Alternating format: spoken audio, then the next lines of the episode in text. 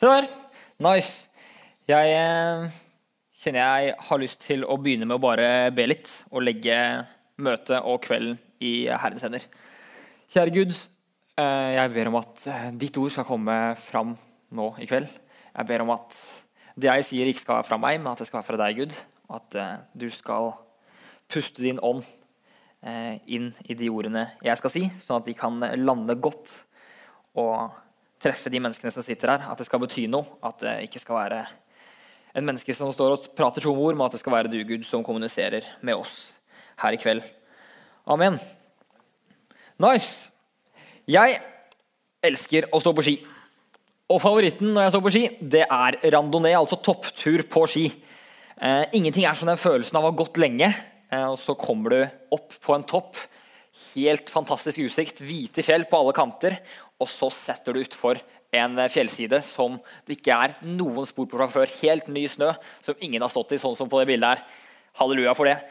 Eh, men nå som ikke skisesongen er i gang ennå, så kan jeg jo ikke gjøre så mye av det. Det blir vanskelig. Eh, så det jeg gjør nå om dagen i stedet, det er å se på ski på finn.no. For det er egentlig like gøy.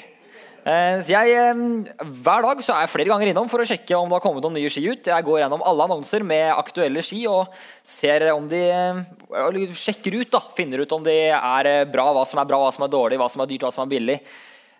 Og gjør en sånn grundig sjekk av hver eneste ski jeg ser blir lagt ut på Finn. fordi det syns jeg er moro.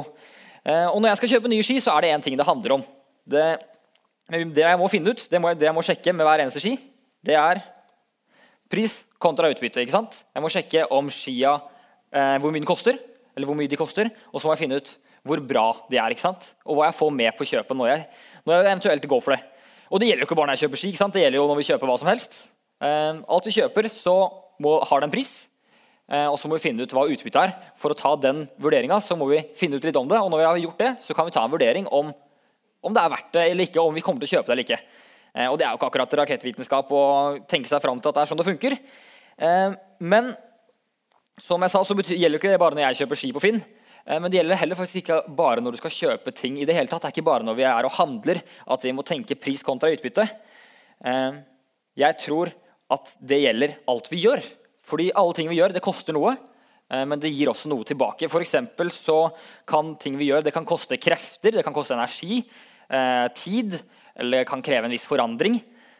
Mens Utbytte kan være glede, opplevelser, fellesskap eller en forbedring av hva som helst fysisk form. hva det måtte være, ikke sant?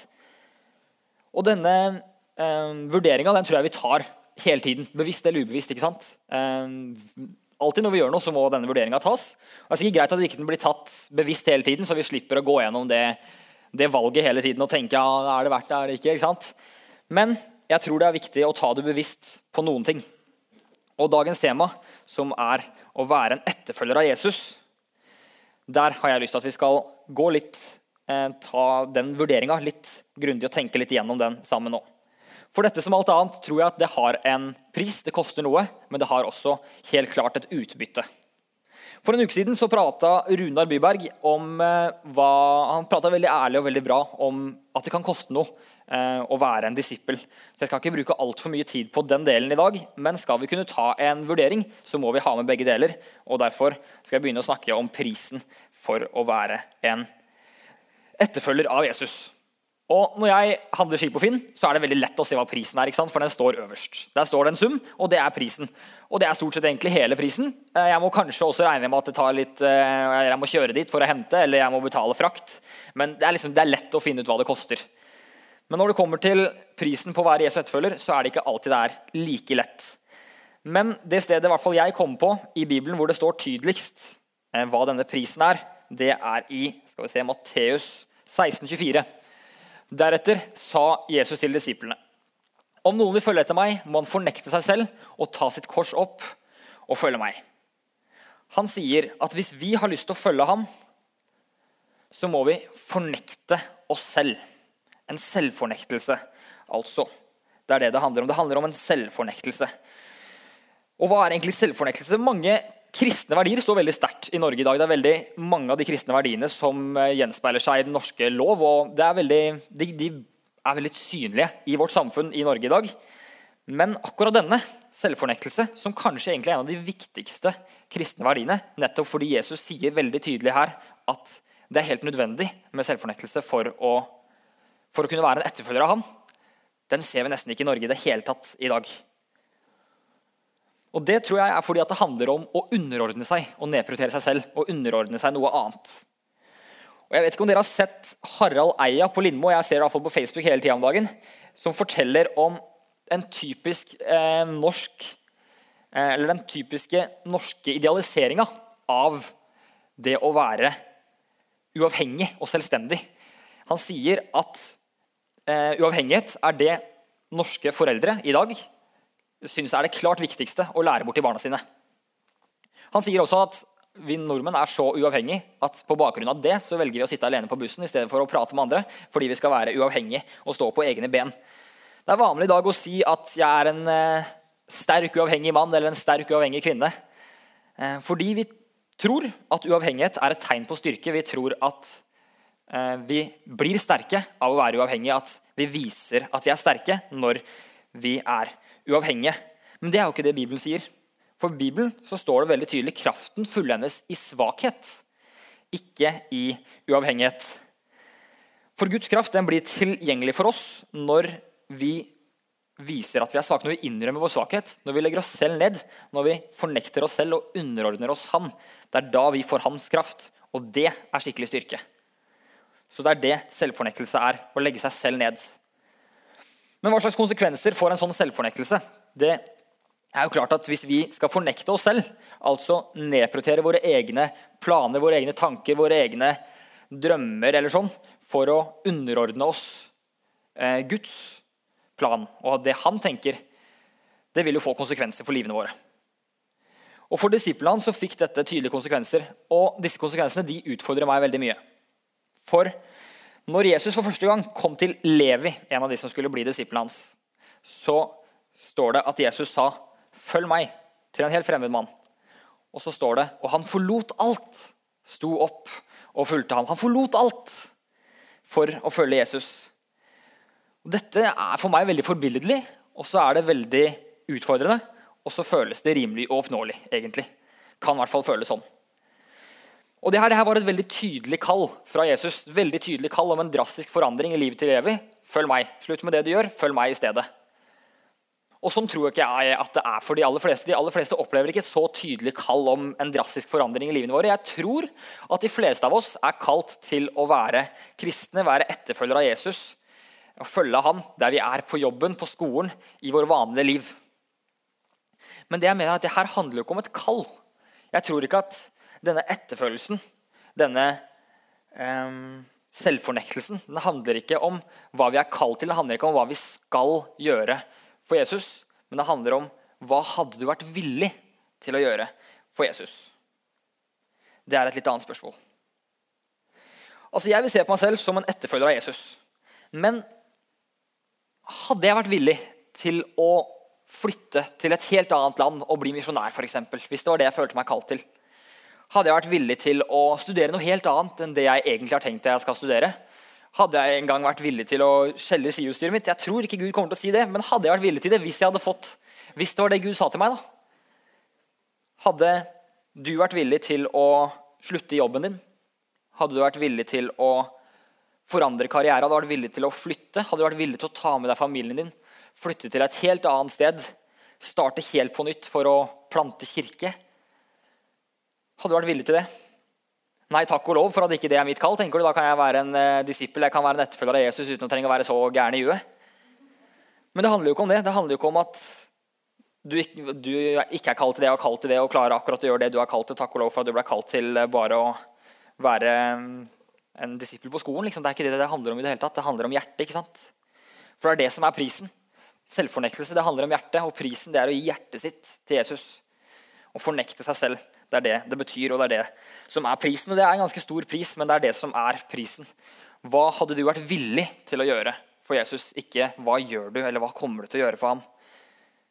For plutselig så blir en utfordring større enn det man hadde tenkt. Og hvis man ikke har villig, så tar man heller ikke den utfordringen. Så det er prisen. Men hva er da utbyttet?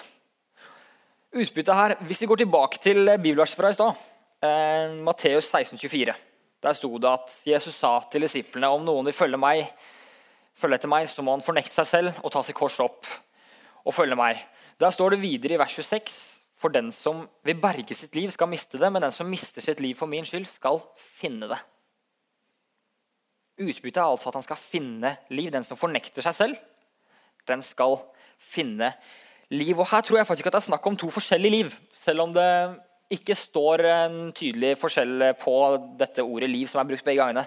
Men sånn jeg tolker det her, så står det først. Men den som mister sitt liv for min skyld Her tror jeg det er snakk om våre liv, sånn vi ser det fra vårt perspektiv. Min plan, våre planer for våre liv. Min plan om hva jeg skal bli når jeg blir stor. ikke sant? Hvis jeg legger den planen til side, det livet til side, fornekter det livet, fornekter meg selv For Guds skyld, da skal jeg få finne liv. Og det livet jeg skal finne da, det tror jeg er et helt annet liv. Det er det livet Gud har planlagt for meg og for deg. Det er ikke det, det skal jeg bli når jeg blir stor, men det er det Gud sier. Det skal du få bety for andre. Skal, de menneskene skal du møte. Og de miraklene skal du få oppleve og være med på på veien, tror jeg. Det er et ganske annerledes liv. Og hva innebærer det egentlig å finne et sånt liv? Det, det, et sånt liv vil også ha konsekvenser for hvordan livene våre ser ut. ikke sant? Det å finne det livet. Og Det livet her, det handler om Guds plan. Det handler om å leve ut Guds plan for mitt liv og for ditt liv. ikke sant?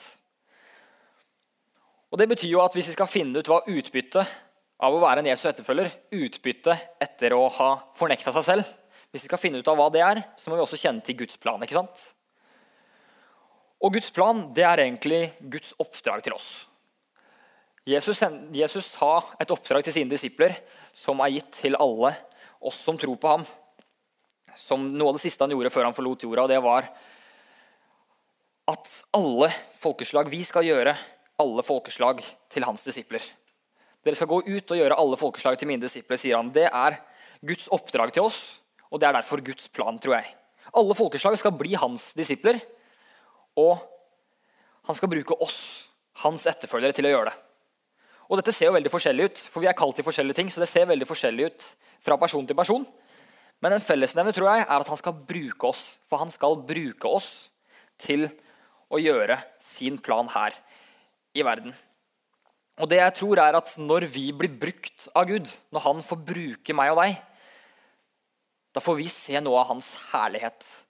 Når vi går all in for hans plan, altså nedprioriterer oss selv og eh, underordner oss han, selvfornektelse igjen, da kan vi få oppleve hans kraft, hans kjærlighet og hans herlighet i våre liv. Og jeg har sett Gud. Jeg har sett Gud i det naturlige. Jeg har sett Gud eh, i naturen.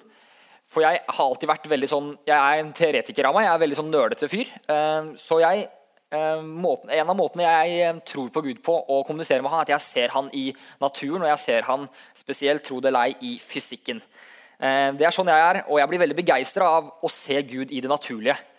Jeg, det blir for meg styrkende for troa mi å se natur. Det blir styrkende for meg å se mennesker rundt meg. Fordi Gud har skapt hele verden. ikke sant? Og det, og det, står i Bibelen at Gud har skapt meg og deg, og at han har skapt oss på underfullt vis. Så det er trosstyrkende å se, se Gud gjennom verden vi ser. Og jeg går hit i kirka og hører om Gud eh, i taler. Og jeg leser Bibelen, jeg hører på lovsang og ser Gud i det naturlige. Men det jeg tror, er at når Gud bruker oss, så får vi i tillegg til å se Gud i det naturlige, få se Gud i det overnaturlige. Og det er en helt annen greie. For det har jeg sykt lyst til.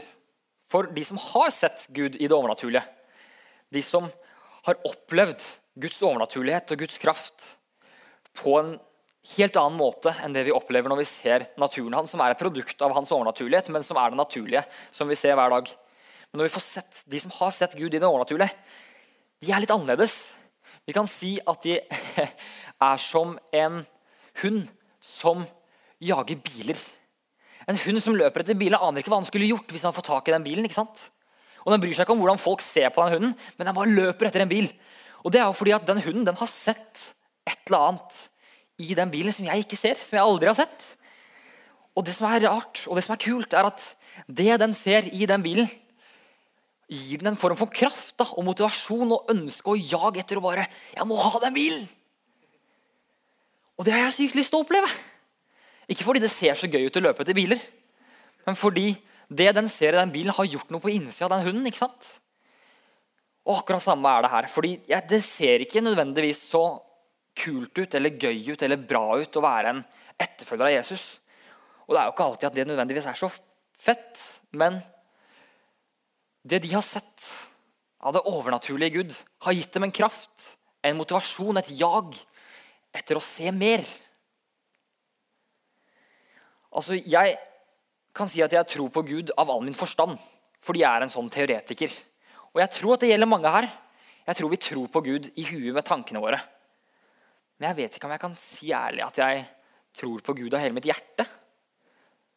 Men når jeg ser på disse menneskene som er som disse hundene som jager biler De som har opplevd det, de har fått et eller annet, de har sett et eller annet som de bare må ha mer av. Og de bryr seg ikke om hvordan det ser ut fra utsida.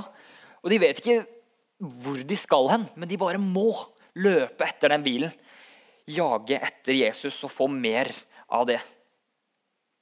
Og det har jeg også lyst til å oppleve. For vi, vi kan forandre verden. Vi. vi kan forandre verden som bare Gud kan forandre verden. Vi kan forandre mennesker som bare Gud kan. Ikke fordi vi har noen syke evner, men fordi Gud har sagt at han har lyst til å bruke meg og deg til å gjøre det. ikke sant? Det er jo helt sykt. Og jeg tror vi kan si hva som helst, eller vi kan ha det hvordan vi vil når vi står her fra våre rasjonelle tanker fra utsida og ser på disse menneskene, så kan vi tenke hva vi vil. Men jeg tror at når vi først har sett Gud i det overnaturlige, når vi har begynt å oppleve det, så må det ha vært verdt enhver selvfornektelse, enhver enhver eh, underordning av Guds vilje for å få se, oppleve og bruke den samme krafta som skapte hele verden. ikke sant? Og få oppleve og spre videre den samme kjærligheten som ofra sin egen sønn for meg og deg. Det er veldig stort. Og ja, det koster. Det koster absolutt det koster selvfornektelse. Og selvfornektelse det kjenner jeg i hvert fall at er vanskelig. Eh, og vi merker at i 2020 så er det en vanskelig greie. spesielt Kanskje spesielt i 2020 mer enn kanskje noen gang før. Fordi nettopp det at det motsatte, denne uavhengigheten, står så utrolig sterkt i samfunnet rundt oss. Men så tror jeg at så fort vi begynner, så begynner i det små, da, så kan vi få lov til å se noe av Gud i det overnaturlige. Og da tror jeg at for hver gang vi ser litt mer av ham, blir det litt lettere, litt enklere å gi litt og litt mer av hjertet vårt til ham. Og Da får det større og større konsekvenser. Og Vi får se mer og mer av ham, og vi blir mer og mer gærne hunder som løper etter en bil. For han er jo den allmektige Gud, skaperen av alt. Og han ønsker en nær, personlig relasjon til deg og til meg. ikke sant? Så bare et glimt av han, det må jo forandre livet vårt.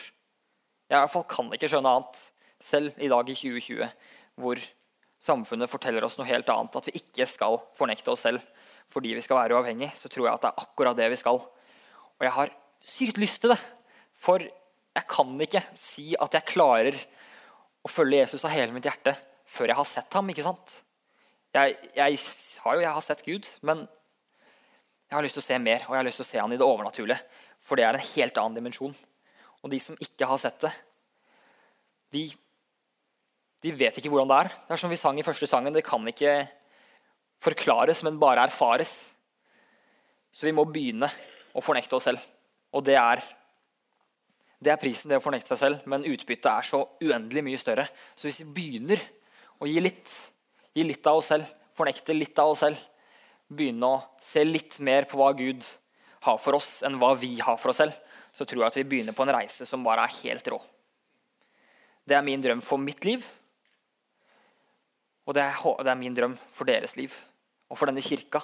At det er det som skal være drivkrafta. Sånn at vi er villige til å gjøre hva som helst hvis vi skulle bli spurt om det. At vi er villige til å gi mer av oss selv. Til å ta plass i styret i kirka. Til å, til å være med i tjeneste på noe du egentlig ikke er komfortabel med, men fordi Jesus utfordrer deg til det. Og fordi du vet at ved å gå inn i en oppgave som Jesus har utfordra til, så vil du få se noe av ham som du ikke kan se i verden, som ikke verden tilbyr i det hele tatt, men som Gud kan tilby, og som jeg tror han tilbyr gjennom at vi tar nye steg når han utfordrer oss. Jeg har lyst til å be til slutt. Kjære Gud, jeg takker for at, for at du viser deg i det overnaturlige. Jeg takker også for at du viser deg naturlig, at vi kan se på deg i det naturlige. At vi kan se deg i naturen og i fysikken og i menneskene rundt oss og i Bibelen og på, på gudstjeneste, i taler. Men jeg ber spesielt om at vi skal få oppleve å se deg i det overnaturlige, Gud. At vi skal få se under, mirakler. At vi skal få oppleve helbredelse i kirka. At vi skal få oppleve at mennesker som tar nye steg, skal få bruke din kraft til å gjøre ting ingen av oss noen gang hadde sett for oss at vi kunne gjøre. Jeg ber om at vi i Skien misjonskirke skal sette himmel og jord i bevegelse. At vi skal forandre verden som bare du kan forandre verden, Gud, fordi du kan bruke oss til å gjøre det. Det er det vi ber om, Gud, og det er det vi vil at, vil at du skal hjelpe oss med. Fordi det krever også mye. Det krever en selvfornektelse, og det er, det er en stor greie. Det er en stor pris. Men utbyttet er så sykt mye større, Gud. Så hjelp oss å se det, og hjelp oss å vise din gode plan for livet vårt, sånn at det blir lettere for oss å legge ned vår egen. At det blir lettere for oss å ta med deg helt naturlig i hvert valg vi gjør for livet vårt.